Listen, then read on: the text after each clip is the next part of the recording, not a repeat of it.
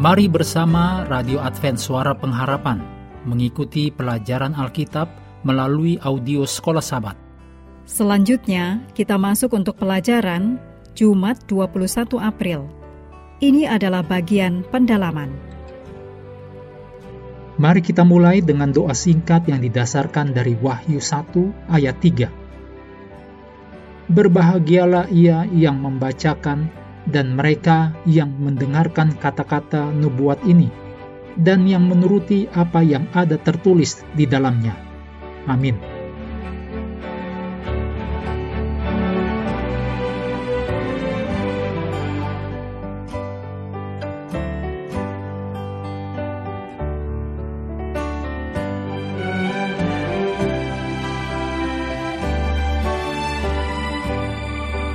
Pikirkan mengenai kata-kata yang mengagumkan dari Paulus dalam Ibrani 7 ayat 25 yang berbicara mengenai Yesus sebagai imam besar kita.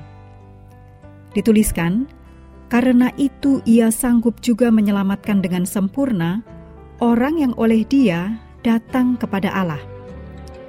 Menyelamatkan dengan sempurna.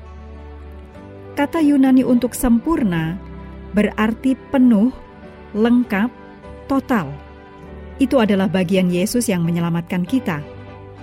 Tugas kita adalah berserah kepada Yesus, meminta kemenangan Yesus bagi kita. Ingat, hanya percaya kepada Yesus, bukan percaya kepada diri sendiri. Berikut ini adalah kutipan yang ditulis oleh Engel Manuel Rodriguez. Judulnya The Closing of the Cosmic Conflict, Role of the Three Angels Messages di halaman 27. Kita dapat meringkas kekuatan dari ungkapan takutlah akan Allah dalam Wahyu sebagai panggilan terakhir Tuhan kepada umat manusia untuk memilih Tuhan sebagai Tuhan mereka yang mulia dan agung, yang akan menang atas kuasa-kuasa jahat yang menentang Dia dan rencananya bagi umat manusia. Seperti yang dituliskan dalam Wahyu 14 ayat 9 sampai 11. Takut di sini bukanlah manifestasi, setidaknya tidak untuk saat ini, seperti yang ditulis dalam Wahyu 6 ayat 14 sampai 17, bukanlah sebagai teror dan kegentaran.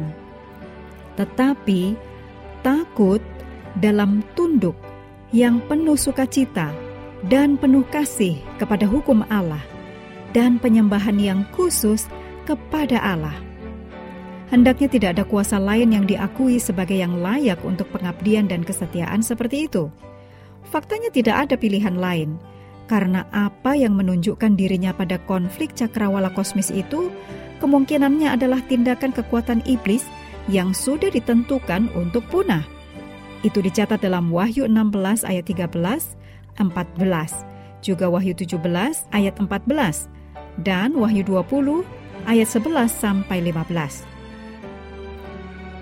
Oleh karena itu, takutlah akan Allah adalah undangan ilahi yang positif untuk memihak Allah dalam konflik kosmis, untuk berdiri di hadapan hadiratnya yang paling mulia, dipenuhi dengan sukacita dalam persekutuan kekal dengan Allah. Seperti dituliskan dalam Wahyu 21 ayat 3 sampai 4, juga Wahyu 22 ayat 3 sampai 5. Berikut ini hal-hal untuk diskusi. Yang pertama, Pikirkan tentang kuasa Tuhan yang luar biasa. Tuhan yang menciptakan dan menopang seluruh alam semesta. Kita hampir tidak dapat memahami gagasan alam semesta. Bagaimana kemudian kita bahkan dapat mulai memahami Sang Penciptanya? Pikirkan tentang betapa jauh lebih besar dan lebih luas dan lebih kuat Tuhan itu daripada kita. Dan Tuhan suatu hari nanti akan menghakimi kita. Diskusikan bagaimana fakta-fakta ini membantu kita memahami gagasan tentang takutlah akan Allah dan artinya. Yang kedua, bagaimanakah kita dapat menghindari legalisme ketika kita membahas konsep Alkitabiah tentang kekudusan, menaklukkan, dan kemenangan? Mengapa kita harus selalu memahami bahwa itu adalah kemenangan Kristus bagi kita? Di kayu salib yang hanya tetap menjadi dasar dari pengharapan keselamatan kita. Terlepas dari kemenangan kita, atau bahkan kegagalan kita di dunia sekarang.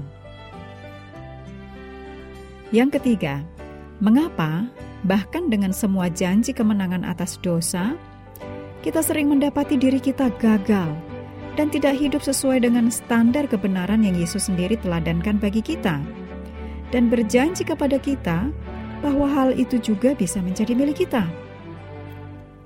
Diskusikan kesalahan apa yang kita buat dalam hal tidak mengizinkan Tuhan melakukan pekerjaan di dalam kita yang telah Dia janjikan.